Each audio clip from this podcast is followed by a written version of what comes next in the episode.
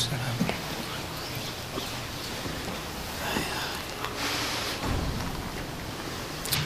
عليكم ورحمة الله وبركاته.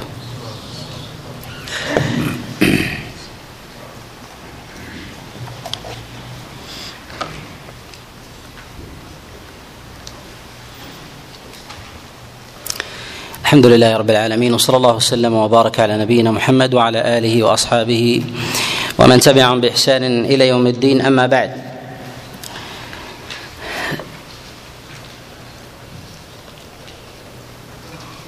توقفنا عند قول الله عز وجل يسألونك عن الأهلة قل هي مواقيت للناس والحج.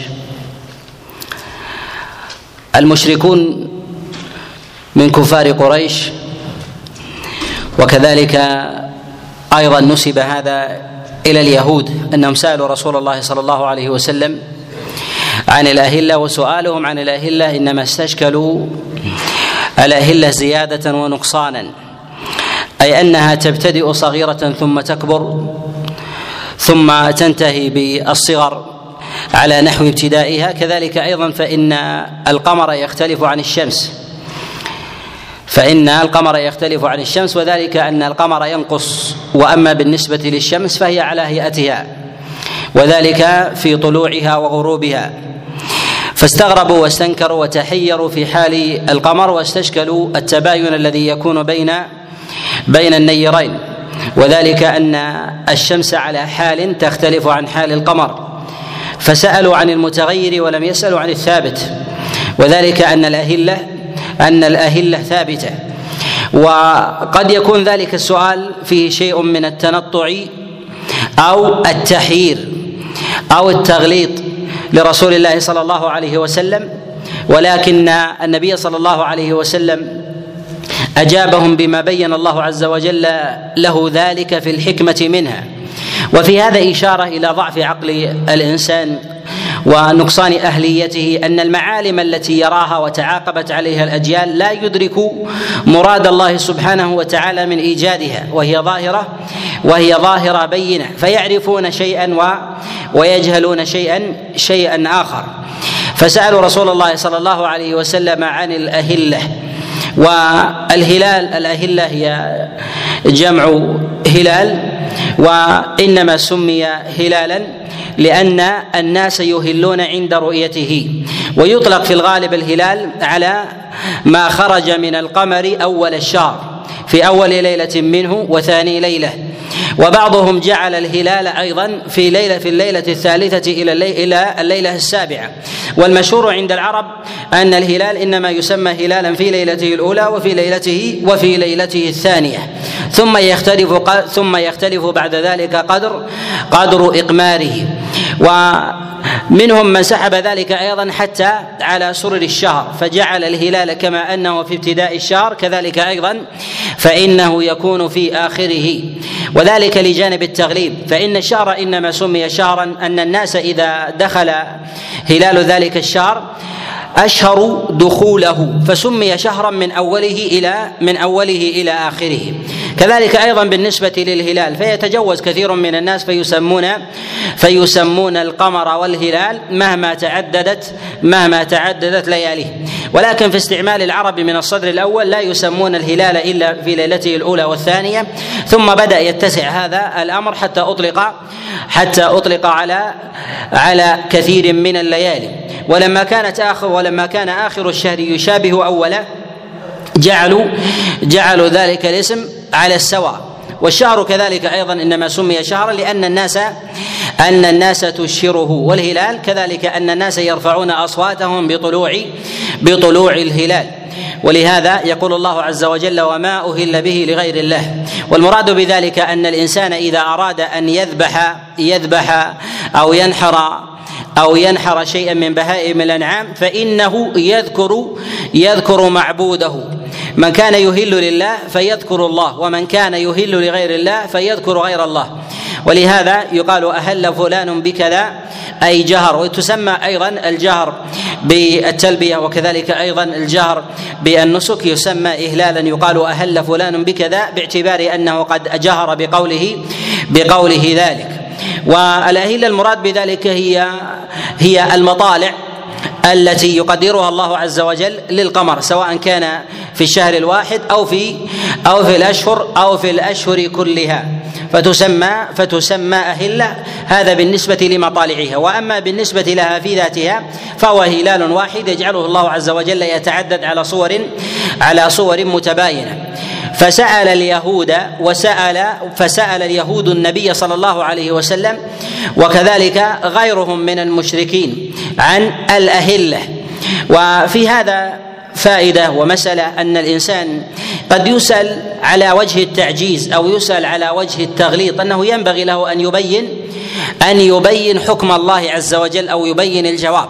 وذلك أن مثل هذه الأجوبة إذا كان الإنسان على بينة من أمره إذا كان على بينة من أمره أن يبين ذلك فيزيل فيزيل الوهم الموجود في أذهان الناس. وإذا كانوا على سبيل التنطع أو الاغلوطات ونحو ذلك أن يأخذ الإنسان الناس بعلمه ووقاره بعيدا أن يقابلهم أن يقابلهم بمثل ما ابتدأوه من السخرية أو أو التنطع أو التغليط في الأسئلة. وهذا وإن كان الناس ينهون عنه من أهل الإيمان إلا أنه ينبغي للإنسان في مسألة الرد يختلف عن جانب السؤال. ولهذا النبي صلى الله عليه وسلم كما جاء في المسند وكذلك أيضا في في السنن من حديث معاوية قال نهى رسول الله صلى الله عليه وسلم عن الأغلوطات. وفي رواية عن الغلوطات والمراد بذلك والمراد بذلك هي هي المسائل التي استقر جوابها في ذهن الإنسان ولكن يسأل غيره استخبارا. استخبارا وتغليطا أي التماسا لمواضع لمواضع الخطأ الخطأ عنده. وهذا وهذا منهي وهذا منهي عنه. ولكن بالنسبة للعالم إذا سئل بشيء مثل هذه الأسئلة أن يجيب. وكفار قريش كانوا يسألون رسول الله صلى الله عليه وسلم كثيرا من الأسئلة. كذلك أيضا المنافقون واليهود يسألون النبي عليه الصلاة والسلام كنوع اختبار. فيجيبهم بذلك لأن الإنسان إذا إذا انتصب للخير فإن الناس يتوجهون إليه على اختلافهم وهو واحد وخصومه متعددون. فلو قابل كل واحد باستهزاء وسخرية لخرج منه الأمر متعددا وخرج منهم وخرج منهم ذلك أفرادا. وهذا وهذا يلحق يلحق عليه أثرا في دعوته إساءة. فينبغي للانسان فينبغي للإنسان أن يستمسك بوقار الإجابة والعلم ولو سئل على سبيل ولو سئل على سبيل الاستهزاء. قال قل هي مواقيت للناس والحج.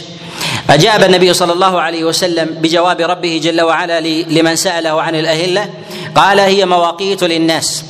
أي أن هذه الأهلة تتباين مواقيت للناس حتى يعرفوا أحوالهم. العبادات وكذلك المعاملات مركبة من أمرين فعل وزمن فعل وزمن. والفعل المجرد بذات الإنسان لا بد أن يكون يركب يركب على زمن وهذا الزمن يتسع ويضيق ولهذا جاءت الشريعة بضبط وصف الأعمال وضبط الأزمنة وتضييقها. فجاءت المواقيت للصلوات وجاءت المواقيت للصيام وكذلك أيضا الحج والزكاة وغير ذلك. ولهذا نجد الشريعة جاءت على هذا النحو. إما ضبطا لوصف العبادة وإما ضبطا لزمنها. فما من عبادة من العبادات إلا وأصلها منضبط وصفا وزمنا. وقد تتسع في بعض صورها فترتبط بالفعل ولا ترتبط بالزمن. وذلك كعموم الاستغفار والتهليل. ضبطه الله عز وجل بوصف على صيغة معينة وضبطه الله عز وجل أيضا بزمن. وجعله في صور أخرى مفتوحا ان يستغفر الإنسان ربه جل وعلا ويهلله سبحانه وتعالى كيفما كيفما شاء. وإلا فأصله منضبط في أحوال إما في أبواب الصلوات كأدبارها أو تسبيح وتهليل على على صور. فما من عبادة جاءت في الشريعة إلا وهي منضبطة بهذين الضابطين إلا وهي منضبطة بهذين الضابطين. ولهذا جعل الله عز وجل أمور الناس لا تنضبط حتى في أمور دنياهم إلا على هذا النحو. فالناس يضبطون الأفعال يضبطون الأفعال بوصفها ويضبطونها أيضا بحدها بالزمن بحدها بالزمن. ولا تنضبط أحوال الناس إلا على هذا الأمر. ولهذا قال الله عز وجل هي مواقيت للناس والحج. يعني أن هذه الأهلة ضبطا لمواقيت الناس في عباداتهم ومعاملاتهم وعاداتهم. فالناس في أعمالهم وفي البيع والشراء والإجارة وكذلك النذور وعدد وعدد الطلاق وكذلك آه، وعدد الطلاق والمتوفى عنها زوجها وكذلك أيضا أمور النكاح والمواعيد فيما بينهم فإن هذا لا يعرف إلا بدائرة الزمن وعجلته. فجعل الله عز وجل امرا منضبطا للناس. جعل الله عز وجل ذلك امرا منضبطا للناس بتنوع الأهلة حتى يعرف الناس حتى يعرف الناس مواقيت الأفعال حتى يعرف الناس مواقيت مواقيت الأفعال. وكذلك أيضا في جانب في جانب العبادات. وهذا وإن كان امرا مستقرا في نفوس الناس في هذه الآية إشارة إلى أن الإنسان ربما يسأل بأمر بين. أن الإنسان يسأل بأمر بين فعليه أن يسع الناس بلطفه. وإما أن يكون الإنسان يسأل أن يكون الإنسان يجهل شيئا ظاهرا بينا. وذلك لضعف أهليته من جهه من جهة الإدراك. لضعف أهليته من جهة الإدراك. فكثير من الأمور يجهلها الإنسان وهي من الأمور البينة والعلل والعلل الظاهرة وذلك لقصور عقله وذلك لقصور عقل لقصور عقل الإنسان. وقد جاء عن غير واحد من المفسرين في أن هذا إنما كان إنما كان سؤالا لرسول الله صلى الله عليه وسلم من من من الناس عن الأهلة وجاء ذلك عند ابن جرير الطبري من حديث سعيد بن أبي عروبة عن قتادة وجاء أيضا من حديث العوفي عن عبد الله بن عباس عليه رضوان الله تعالى أنهم سألوا رسول الله صلى الله عليه وسلم عن ذلك فقال هي مواقيت للناس في أعمالهم ومناسكهم في أعمالهم في أعمالهم ومناسكهم. وقول الله جل وعلا هي مواقيت للناس. في هذا إشارة إلى أن الأفلاك يجعلها الله عز وجل للبشر وأنها مهما عظمت قدرا إلا أن أفعال الناس منزلة عند الله عز وجل أولى بأن تضبط. ولهذا جعل الله عز وجل هذين النيرين الشمس والقمر جعلها لضبط الأعمال. ودليل على أن العمل الصادر من الإنسان أعظم عند الله عز وجل أعظم عند الله عز وجل من جهة الامتثال وأعظم جرما عند المخالفة والعصيان من خلق من خلق الشمس والقمر. فمعلوم أن الإنسان إنما دار في عجلة الزمن دار في عجلة الزمن ليضبط وقته. فخلق الله له ذلك لينضبط بهذه بهذه الأعمال. وفي هذا إشارة إلى أهمية الزمن في حياه في حياة الناس وأهمية الزمن في حياة البشر أنهم ينبغي ينبغي على الإنسان أن يضبط أقواله وأفعاله انضباطا يليق بدقة الوقت الذي جعله الله عز وجل له منضبطا.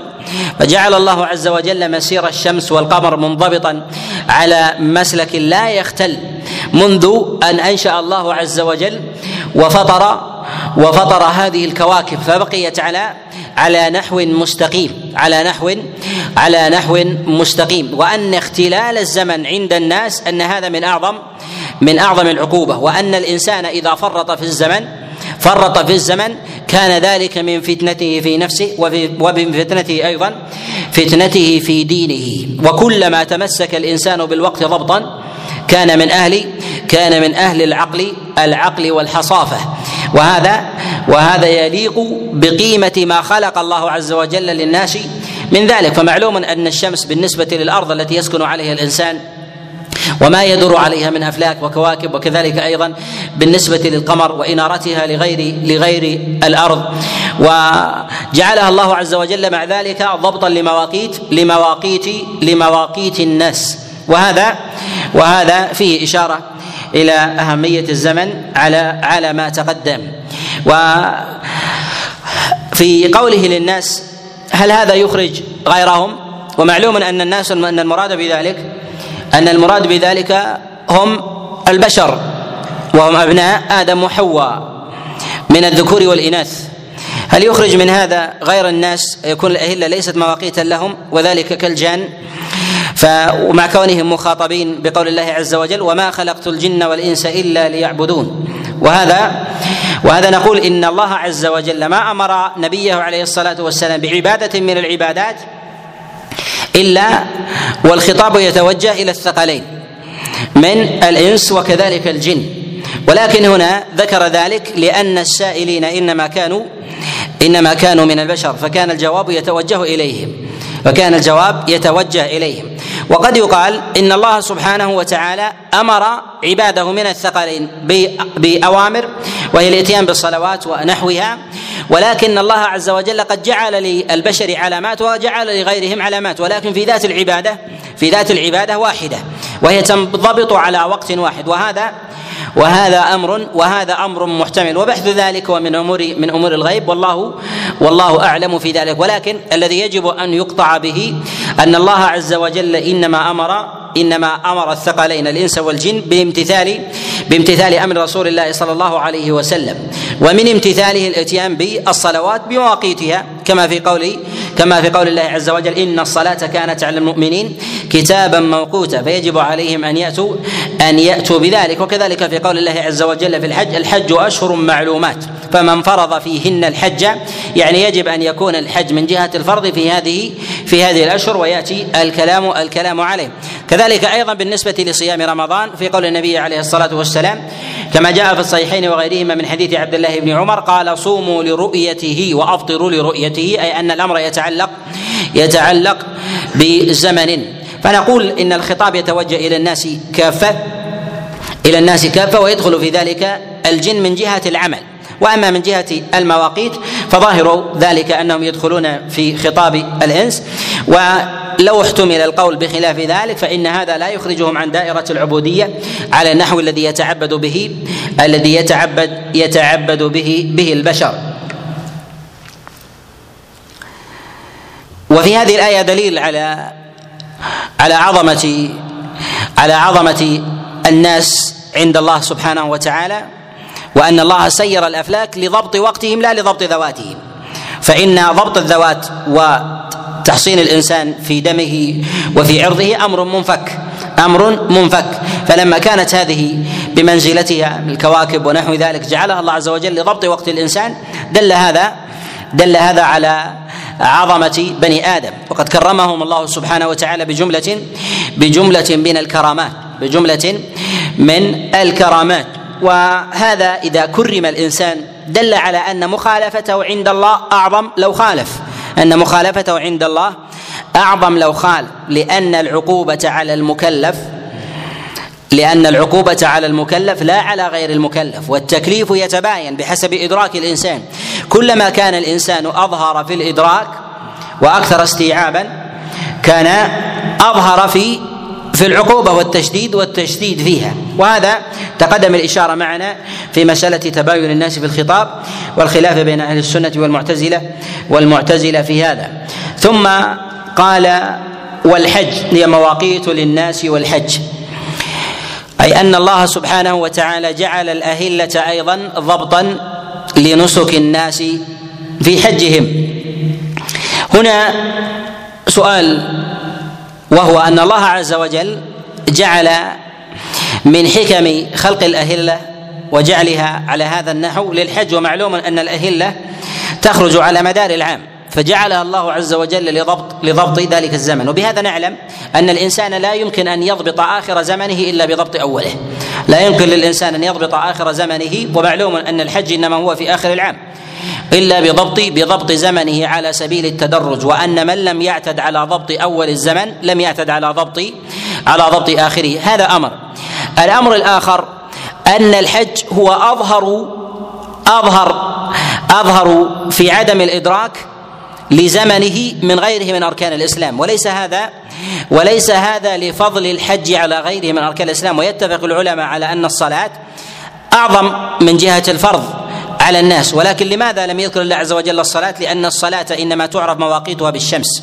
لا تعرف لا تعرف بالقمر. فذكر الله عز وجل هنا الحج لأنه أظهر في معرفة في معرفة دخوله ولم يذكر الصلاة لأن الصلاة إنما تعرف بالشمس طلوعا طلوعا وغروبا. الأمر الآخر أن الإنسان مواقيت الفرائض كلما تباعدت كان الإنسان أبعد في إدراكها من جهة العمل. ولهذا تجد الناس يضبطون أحكام الصلاة ولا يضبطون أحكام الحج. لماذا؟ لأن الحج من جهة الفرض في العمر مرة. الحج في العمر في العمر مرة. فجعل الله عز وجل الصلاة يومية فالناس يعرفونها ولكن ما كان متباعدا الناس يجهلون يجهلون زمنه. وكلما كان الإنسان أقرب إليه وادم من جهة العمل كان أكثر. فتجد الناس يعرفون مواقيت الصلوات وكذلك الواجبات والأركان والشروط والسنن في الصلاة. لانها لأنها يومية أكثر من الحولية، الحولية كرمضان وكذلك الحج، والحوليات أظهر من معرفه من معرفة أحكام المناسك ولهذا تجد العامة يدركون من أحكام الصيام والزكاة ما لا يدركون من أحكام الحج، لماذا؟ لأنهم في الغالب لا يحجون إلا في العام إلا في العمر مرة. لا يحجون إلا في العمر إلا في العمر مرة، ولما كان ذلك الأمر بعيدا كان لأهميته أن يتناول بالتاكيد أن يتناول بالتأكيد والضبط. ولهذا نقول إن قول الله عز وجل هي مواقيت للناس والحج أن هذا من عطف الخاص على العام. وعطف الخاص على العام لا يعني تفضيل الخاص على غيره من المخصصات المخصصات التي تدخل تدخل في العام. وإنما هو لمزيد تأكيد في ذلك العمل لأنه أقرب إلى الانفلات من غيره أقرب إلى الانفلات إلى الانفلات من غيره. فلما كان الناس ربما يتناسون فريضة الحج لبعدها ولا يعلمون المواسم خاصة الذين يعيشون في بلدان تبعد تبعد عن عن مواضع مواضع الحج. فربما لا يعلم ما هي أشهر الحج التي جعل الله عز وجل فيها فيها المناسك. فجهل شيئا من تلك الأحكام فجعل الله عز وجل الأمر ذلك على سبيل التأكيد. وبهذا نعلم أن مسائل الدين من جهة تنبيهها للناس أنه ينبغي للعالم والداعية إلى الله أن كلما كان الأمر أقرب إلى الانفلات من أمر الناس ينبغي أن يؤكد عليه. أن يؤكد عليه. بعض الناس إذا كان الأمر مستقر لدى الناس مسائل العقيدة يقول لماذا يهتم فلان في قضايا كذا ويدع التوحيد؟ أو يهتم مثلا في الحج ويدع الصلاة أو نحو ذلك. هل هذا من جهة المنطق صحيح؟ هو من جهة المنطق صحيح ولكن تنزيله في مثل هذه الحال خطأ. تنزيله في مثل هذه الحال خطأ لأن العقيدة أولى من غيرها والصلاة أولى من الحج ولكن لما كان الحج يشوبه شيء من انفلات عدم معرفة الأزمنة استوجب تأكيدا.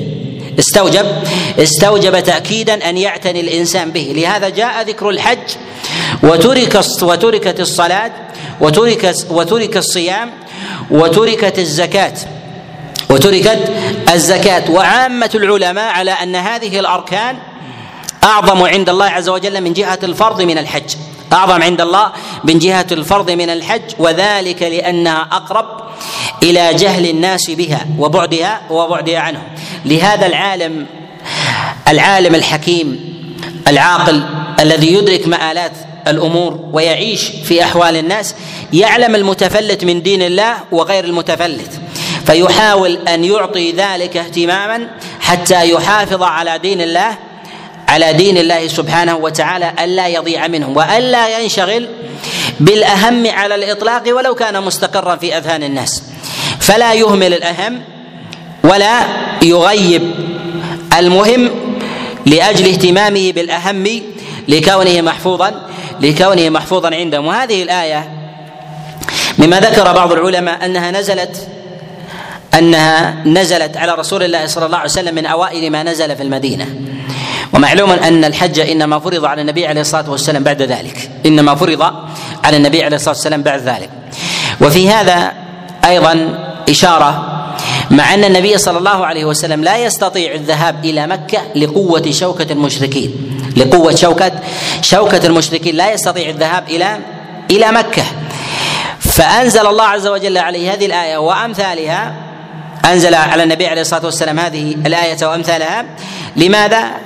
حتى يضبط حكم حتى يضبط حكم الدين ولا يضوع ولا يضيع لعجز الناس في ذلك الزمن عنه. بمجرد عجز الناس في فترة وذلك كاحكام الجهاد مثلا.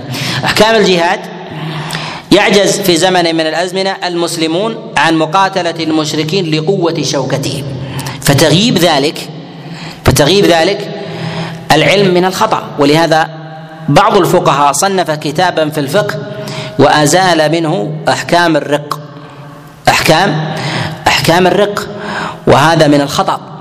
وذلك أن حفظ أحكام الدين مطلب فالعلم شيء والعمل شيء. فالعلم شيء هو حفظ الدين أن يكون حاضرا في أذهان الناس.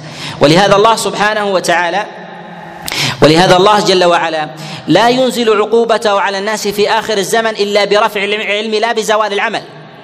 العمل يزول قبل ذلك ولكن العلم يبقى حاضرا. فإذا كان العلم حاضرا رفع الله العلم وأنزل العقوبة. وأنزل وأنزل العقوبة. ولهذا الله عز وجل يقبض العلم بقبض العلماء. وتأتي ريح تأخذ تأخذ تأخذ أهل الإيمان ثم تقوم الساعة على شرار الخلق. وجاء في بعض الآثار أن الله عز وجل يرفع المصاحف من الأرض. ولهذا نقول إذا وجدت رسوم العلم في الأمة وجدت رسوم العلم في الأمة وهي ظاهرة ولو تعطل العمل في الأمة مرحومة. ولهذا نقول ينبغي على الأمة إذا لم تستطع في عمل من الأعمال أن تحافظ على بيان أحكام الشريعة. لماذا حتى لا يأتي جيل بعد ذلك؟ يجهل تلك الأحكام فإذا أظهرت في زمانها تنكروا لها تنكروا لها. ولهذا أحكام الشريعة ينبغي أن تكون باقية ولو تعطل ولو تعطل العمل لسبب من الأسباب. النبي صلى الله عليه وسلم لم يستطع الحج. لم يستطع الحج ولم يفرض عليه على الصحيح بعد. على الصحيح الحج بعد. ومع ذلك الله عز وجل يقول هي مواقيت للناس والحج. يعني ينبغي أن يكون ذلك حاضرا. أن يكون ذلك ذلك الحكم الحكم حاضرا للمسلمين. و والحج المراد به القصد المراد به القصد وهو قصد البيت الحرام. بالعبادة على فعل مخصوص في زمن في زمن مخصوص. وفي قول الله جل وعلا وليس البر بأن تأتوا البيوت. البر هنا نفاه الله عز وجل لأن الناس في الجاهلية على نوعين في أفعال المناسك حمص وهم أهل مكة ممن كان من عمارها. وفي حرم الله وهؤلاء يجعلون لهم أحكاما خاصة. والحمص هم كفار قريش وكنانة ومدلج وكذلك بنو عاصم وكذلك أيضا بنو عدن وخثعم وغيرهم ممن كان يعمر ممن يعمر مكة. هؤلاء يجعلون أنفسهم أهل حرم الله. يجعلون أنفسهم أهل حرم حرم الله. ويشددون على أنفسهم ما لا يشدد على غيرهم. يعني في أعمال الحج لا يخرجون ولهم أحكام تختلف عن غيرهم. غيرهم من العرب يجعلون لأنفسهم أحكاما إذا أرادوا الحج. ومن الأحكام تلك التي يجعلونها على أنفسهم أن الواحد منهم إذا أراد أن يحرم يحرم من بيته. أما المواقيت فجاءت حادثة بعد ذلك شرعها الله عز وجل للناس. كانوا يحرمون من بيوتهم. كانوا يحرمون يحرمون من بيوتهم. فجاء الله عز وجل بالمواقيت بالمواقيت المكانية. وكانت المواقيت في الزمان ثم أضيف إليها ثم أضيف إليها المكان. كانوا يحرمون من بيوتهم وأهل مكة من مكة فلا ينطبق عليهم أحكام الإحرام الإحرام من بيوتهم. فإذا أحرموا من بيوتهم جعلوا لأنفسهم أحكاما وهو أن الإنسان إذا أحرم من بيته وخرج أنه لا يجوز له أن يدخل إلى بيته من بابه وإنما يدخلون من ظهور البيوت. إذا نسوا شيئا أو كانوا يهيئون الأمتعة ونحو ذلك فإنه لا يجوز له أن يدخل بيته حتى يرجع. أن يدخل بيته حتى يرجع. ولهذا يدخلون إما من قوة إما من القوة أو ربما من النوافذ ونحو ذلك أو يتسورون الاسوار هذا لمن كان في بيوت ومن كان في خيام آه، أو نحو ذلك فإنهم يدخلون من خلفها لا يدخلون مع لا يدخلون مع الأبواب. وبعضهم ربما يشدد على نفسه فلا يجعل بينه وبين السماء حال فلا يدخل تحت سقف فلا يدخل تحت سقف. يجعلون ذلك من من من الحفاظ على شعائر الله من الحفاظ على شعائر الله. وهذا مما أحدثته الجاهلية وهذا مما أحدثته الجاهلية. وكان الأنصار في المدينة على هذا الأمر. وهذا الأمر مشتهرا وقد ذكر ذلك غير واحد من السلف وقد جاء جاء من حديث سعيد بن عروبة عن قتادة وجاء أيضا من حديث أبي نجيح عن مجاهد وجاء أيضا من حديث معمر عن ابن شهاب الزهري وروي أيضا من غير وجه عن عبد الله ابن عباس عليهم رضوان الله تعالى أن الأنصار كانوا إذا أحرموا كانوا إذا أحرموا وأرادوا الرجوع إلى بيوتهم لا يدخلون من أبوابها وإنما يدخلون من ظهورها ويجعلون ذلك من البر ويجعلون ذلك ذلك من البر. فالله عز وجل نفى أن يكون ذلك من البر. نفى أن يكون ذلك من البر لظاهر للسياق. فالله عز وجل حينما تكلم على المواقيت جاء بالحج ثم جاء بمسألة نفي نفي البر في دخول البيوت من ظهورها وأن هذا من الأمور المحدثة وأن هذا من الأمور من الأمور المحدثة. وفي هذا أيضا في قول الله سبحانه وتعالى ولكن البر من اتقى إشارة إلى أن مجرد الاحتساب إذا احتسب الإنسان في عمل من الأعمال أنه لا يثاب عليه حتى يكون موافقا لله. ولهذا الله عز وجل قال ولكن البر من اتقى وأتوا البيوت من أبوابها.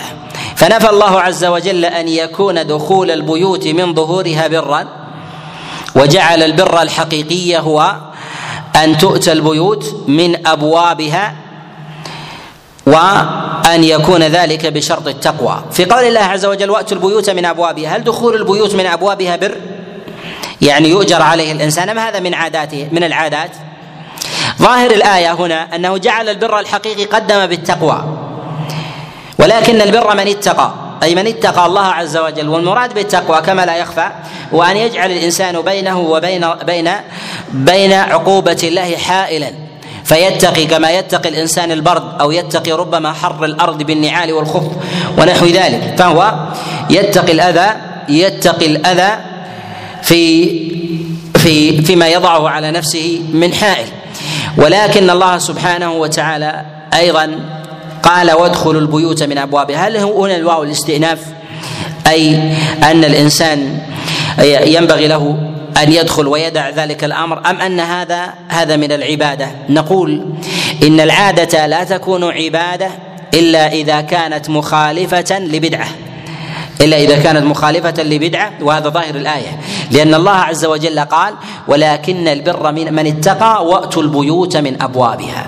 أي دخول الأبواب فعل العادات المخالفة لبدع هذا من الشريعة لأنه يبطل احداثا في دين الله. لهذا ينبغي للإنسان أن يظهر شيئا ينبغي للإنسان أن يظهر عادة تخالف بدعة. تخالف بدعة وإظهاره لتلك العادة التي تهدم البدع إذا اتقى الله بذلك الفعل كانت عبادة. كانت من امور من أمور العبادات. كالذين مثلا يتقون مثلا بعض الأفعال التي مثلا يحدثونها مثلا في مجالسهم أو طرائقهم في الأكل يتحشون منها ونحو ذلك أن الإنسان يخالفها. لماذا؟ لأن ذلك فيها إحياء فيها إحياء للعمل الصحيح وفيها هدم لتلك البدعة وفيها هدم لتلك البدعة. ولهذا ظاهر السياق سواء قلنا أن الأمر معطوف ولكن البر من اتقى وأتوا أيضا من البر أن تأتوا البيوت من أبوابها مخالفين ما عليه أهل الجاهلية مخالفين ما عليه الجاهلية. ولهذا في الملبوسات والمطعومات المشروبات في المركوبات في أحوال الإنسان وعاداته إذا وجد الناس قد كانوا على فعل من الجاهلية يتدينون به لله فإنه ينبغي له أن يظهره. أو بعض العبارات التي يتحاشى العامة منها يتحاشى أو يتطيرون بها يتطيرون بها ينبغي أن يجهر بها ينبغي أن يجهر بها وهي من البر وهي من البر ولو كانت عادة يؤجر عليها. كما أن دخول البيوت من أبوابها بعد الإحرام من البر وهي عادة. وهي عادة ولكن شريطة أن يكون ذلك بتقوى الله سبحانه وتعالى. ولهذا قال الله عز وجل ولكن البر من اتقى أي أن دخول الإنسان لبيته مجردا ليس من البر ولا من العبادة ولو كان من بابه إلا إذا اتقى الله واحتسب أن يكون ذلك مخالفا لما كان عليه لما كان عليه أهل الجاهلية في دخولهم دخولهم البيوت من في دخولهم البيوت من ظهورها. قال وأتوا البيوت من أبوابها واتقوا الله لعلكم لعلكم تفلحون. أعظم ما يثاب عليه الإنسان في هذه في هذه الدنيا هو جماع الطاعات. وجماع الطاعات هو تقوى الله سبحانه وتعالى. أن الإنسان لا يمتثل أمرا من أوامر الله إلا بتقواه ولا يجتنب شيئا من محارمه إلا بتقواه. فهو دثار يلبسه الإنسان للعمل ويلبسه للترك. يلبسه للعمل ويلبسه للترك.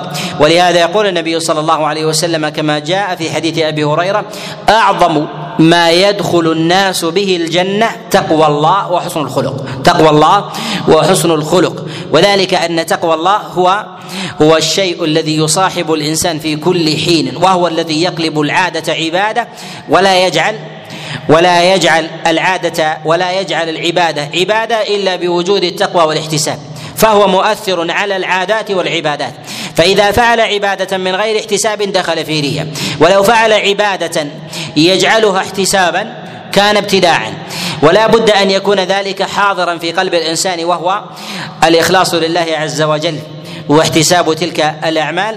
وفي قول الله عز وجل حينما كرر التقوى في قوله جل وعلا ولكن البر من اتقى وأتوا البيوت من أبوابها واتقوا الله أي أمر الله سبحانه وتعالى بتقوى بعد تقواه على وجه الخصوص في مخالفة ذلك الأمر أمر بتقواه على على سبيل على سبيل العموم. قال واتقوا الله لعلكم تفلحون أي أن الإنسان لا يمكن أن يتحقق له الفلاح إلا بتقوى الله سبحانه وتعالى وتقوى الله ينبغي الإنسان أن يستكثر منها وأن تكون حاضرة في ذهنه في كل زمان وفي كل مكان. ولهذا يقول النبي صلى الله عليه وسلم اتق الله حيثما كنت يعني في كل موضع. وفي هذا إشارة إلى أن تقوى الله ليست في موضع دون موضع في المساجد أو في مواضع العبادة بل تكون حاضرة فدين الله عز وجل مرعي في كل في كل حال والمحرمات عليه أيضا في كل موضع يحرم عليه أن يصدر منه ذلك ولكنها قد تغلظ في موضع ولا تغلظ في موضع في موضع آخر وفي هذا أيضا أن شرط الفلاح تقوى الله أن شرط الفلاح تقوى الله أي تفلحون تفوزون برضا الله عز وجل ورحمته الحقيقية. وكذلك تنتصرون بتناول ذلك البر الذي أراده الله الذي أراده الله سبحانه وتعالى. لكم لا كما تريدون أن تتقوا الله عز وجل بخلاف بخلاف ما شرعه الله عز وجل لكم. الآية الثانية في قول الله سبحانه وتعالى وقاتلوا في سبيل الله الذين يقاتلونكم. ولا تعتدوا إن الله لا يحب المعتدين. أمر الله سبحانه وتعالى بالمقاتلة في سبيله. هذه أول آية نزلت على رسول الله صلى الله عليه وسلم في القتال في المدينة. نزلت على رسول الله في القتال. وقيل إن آية أذن للذين أنها نز أنها نزلت قبل ذلك في مكة. وهذه الآية أول آية في الجهاد نزلت على رسول الله صلى الله عليه وسلم في في المدينة. نزلت على النبي عليه الصلاة والسلام في المدينة. وفيها التخيير وأن المقاتلة جائزة لمن قاتل لمن قاتل المسلمين. يجب عليهم أن يدفعوا عن أنفسهم من قاتلهم وأما من لم يقاتلهم فإنهم بالخيار فإنهم بالخيار. جاء عن غير واحد من العلماء أن هذه الآية أول آية نزلت عن النبي عليه الصلاة والسلام في المدينة.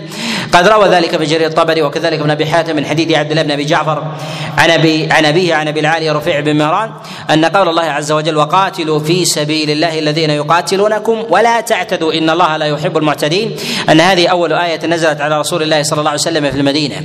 وجاء هذا أيضا عن عن عبد الرحمن بن زيد بن أسلم كما رواه أبن وهب عن عبد الرحمن بن زيد قال هي أول آية نزلت على رسول الله صلى الله عليه وسلم يعني في المدينة في أمر الجهاد. وهل هذه الآية مما نسخ أم لا؟ هذا من مواضع الخلاف.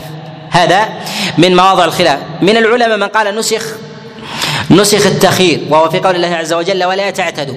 ولا تعتدوا. بعض العلماء من حمل هذا المعنى في قوله ولا تعتدوا أنه لا تبتدئوا قتالا.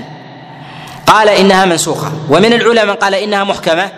قال أن قول الله عز وجل ولا تعتدوا أي لا تعتدوا في المقاتلة فتظلموا حال القتال بقتل الشيوخ والنساء والصبيان وغير ذلك فإن هذا فإن هذا من مواضع الاعتداء التي نهى الله سبحانه وتعالى من مواضع الاعتداء التي نهى الله سبحانه وتعالى عنها. فعلى هذا القول تكون محكمة. ذهب إلى هذا بعض العلماء وهذا مروي عن عمر بن عبد العزيز وكذلك جاء عن عبد الله بن عباس كما رواه في جرير الطبري من حديث علي بن أبي طلحة عن عبد الله بن عباس أن قول الله عز وجل ولا تعتدوا قال لا تعتدوا بقتل الشيوخ والصبيان والنساء وهذا فيه إشارة إلى أن الآية محكمة لأن النهي عن قتل الشيوخ والنساء والصبيان محكم ولم ينسخ ولم ينسخ بعد ذلك. وأما في قول الله عز وجل قاتلوا وقيد ذلك بالذين يقاتلونكم. هل هذا أمر منسوخ؟ نقول هو باقي. أن الإنسان إذا أن المسلمين إذا قاتلهم عدو يجب عليهم أن يقاتلوا. يجب عليهم يجب عليهم أن يقاتلوا. وأما أمر الابتداء ابتداء فنقول إنه مسكوت عنه في هذه الآية ولهذا نقول إن هذه الآية على الصحيح إنها ليست ليست بمنسوخة. ليست ليست بمنسوخة. ومن العلماء قال إنها منسوخة بآيات براءة وسورة التوبة والذي يظهر والله أعلم أن هذه الآية أن هذه الآية محكمة أن هذه الآية محكمة وهي أنه يجب على المسلمين أن أن يقاتلوا من أظهر من أظهر قتالهم. وفي قول الله سبحانه وتعالى قاتلوا في سبيل الله الذين يقاتلونكم. هنا أمر بوجوب المقاتلة والمقاتلة تكون من طرفين بخلاف القتل فإنه يكون من طرف واحد. المقاتلة تكون بين طرفين. إذا كان كل واحد مستعد للآخر يقال تقاتل الفريقان وهي المقاتلة. أما القتل فيكون من طرف واحد. قالوا قاتل فلان كذا فلانا قتل فلان. فلانا أي هو الذي يريد قتله وذاك لا يريد لا يريد قتله. وأما المقاتله فكل حريص على على قتل الآخر. وهذا فيه إشارة إلى إلى أن الأمر مسألة هي مقابلة مجازاة على ذلك ذلك القتل ولكن الله عز وجل أكده بقوله سبحانه وتعالى الذين يقاتلونكم. مع ظهورها في هذا في قوله قاتلوا في سبيل الله الذين يقاتلونكم ولا تعتدوا. إن الله لا يحب لا يحب لا يحب المعتدين. في هذا أيضا إشارة إلى أن جهاد الدفع واجب وهو من فروض الأعيان. وهو من فروض الأعيان. وهذه الآية دليل عليه. ووجه الدلالة في ذلك ظاهر الأمر ووجه الدلالة الدلالة الآخر أن هذه الآية نزلت على المؤمنين في أوائل ما نزل في المدينة وقوة المشركين ظاهرة. وقوة المشركين ظاهرة وضعف المؤمنين أيضا مقارنة بالمشركين ظاهر. وضعفهم ظاهر فإن لم يأتي إيمان الناس في عام الوفود لم يتكاثر الناس أيضا ولم يبعث النبي عليه الصلاة والسلام بعد الناس إلى إلى كثير من الآفاق كاليمن ونحو ذلك. فوضع المسلمين مع كونه أفضل وأحسن حالا في ابتداء أمره في قدوم المدينة أو كما كانوا في ما كانوا في مكة. ومع ذلك أمرهم الله عز وجل بمقاتلة من قاتلهم بمقاتلة من قاتلهم حتى يتهيب أعداء الدين أهل الإسلام حتى يتهيب أعداء الدين أهل الإسلام. ولا يظن أنهم من أهل أنهم من أهل الجبن والضعف. وكذلك أيضا في قوله ولا تعتدوا إن الله لا يحب المعتدين. في ابتداء الأمر وهذه فيها جملة من المسائل إذا أمر الإنسان بجهاد في حال الضعف في حال الضعف وهو أول قتال في يؤمر به الإنسان مثلا مع قوة المشركين الإنسان في ظاهر الأمر أنه لا يتشوف لضبط أحكام المقاتلة لأنه يحتاج إلى مدافعة. ولكن ينبغي للإنسان أن يعلم أحكامه حتى في حال الغلبة. حتى في حال الغلبة على عليهم. وذلك لعظم حرمة حرمة الضعفاء وما يستحق وصف الاعتداء عليه من الصبيان أو الشيوخ الركع أو النساء الذين لا يقاتلن مع أن هذه الآية في جهاد الدفع. ولهذا قال الله عز وجل قاتلوا في سبيل الله الذين يقاتلون. نحن ندفع. ونحن ندفع. يعني لا نغزوهم في قعر في قعر داره فإن أحكام الجهاد في سبيل الله ينبغي للإنسان أن يكون بصيرا بصيرا بها على أي حال مهما كان ضعفه ومهما كان تسلط العدو عليه أن يكون أيضا منصفا في دين الله سبحانه وتعالى وقائما قائما بالعدل لا لا معتديا. وهذا مما جعله الله عز وجل في الإسلام رحمة على هذه الأمة ورحمة كذلك على غيرهم من الشعوب. وكذلك أيضا الا تزر وازرة وزر وزر أخرى. ومع بيان هذا الحكم في إشارة إلى أنه ينبغي الانسان ألا يخلي الأوامر الواردة على سبيل الإجمال من بيان وتفصيل. ولهذا بين واستثنى في أمر المقاتلة ما استثناه الله عز وجل في النهي عن الاعتداء في قوله إن الله لا يحب المعتدين. فيه إشارة بالتشديد في هذا الأمر أن الله عز وجل لا يحب ذلك العمل وأن الأمر إذا تشو أن الإنسان إذا تشوف إلى شيء لا يعني أن تشوفه في ذلك على حق. أن تشوفه في ذلك في ذلك على حق فذلك أمر أمر الله سبحانه وتعالى به وأمر بالانضباط بالانضباط عليه والتزامه مهما كان المسلمون في ضعف. فالنبي صلى الله عليه وسلم فالنبي صلى الله عليه وسلم قد طرده المشركون من مكة وما آذوه قبل ذلك. وكذلك أيضا ما جعل الله عز وجل آه، له من أذية في مكة فحوصر في شعب مكة. وكذلك أيضا طرد عليه الصلاة والسلام وأوذي حتى في ذريته عليه الصلاة والسلام من بناته آه، عليهن رضوان الله تعالى. وكذلك صدر ماله عليه الصلاة والسلام في مكة ومع ذلك الإنصاف والعدل في هذا الا تزر الا تزر وازره وزر أخرى ولو كان ذلك في خلال في خلال المشركين فإن هذا من أمور من أمور العدل والا يأخذ الحنق أهل الإسلام بالظلم والبغي فإن هذا من العدل فإن الإنسان إنما يقاتل لحق الله عز وجل وحظه لا لحق نفسه لا لحق نفسه وحظها. والجهاد ماض إلى قيام الساعة وإنما يختلف العلماء في مقدار الزمن الذي لا يغزو فيه الإنسان. والجهاد كما لا يخفى هو جهاد طلب وجهاد وجهاد دفع. أما جهاد الدفع فيجب على المؤمنين بكل حال. وأما بالنسبة لجهاد الطلب فاختلف العلماء في الحد الذي يقف فيه المسلمون عن جهاد الطلب. ما هي المدة؟ منهم من حددها في ستة أشهر. قالوا لا يجوز لكل إمام ان ان أن ينتظر أكثر من ستة أشهر ومنهم من قال بسنة. وعلى خلاف عند عند العلماء في هذا ولا يجيز العلماء لكل حاكم أن يبقى سنين بلا بلا بلا مجاهدة.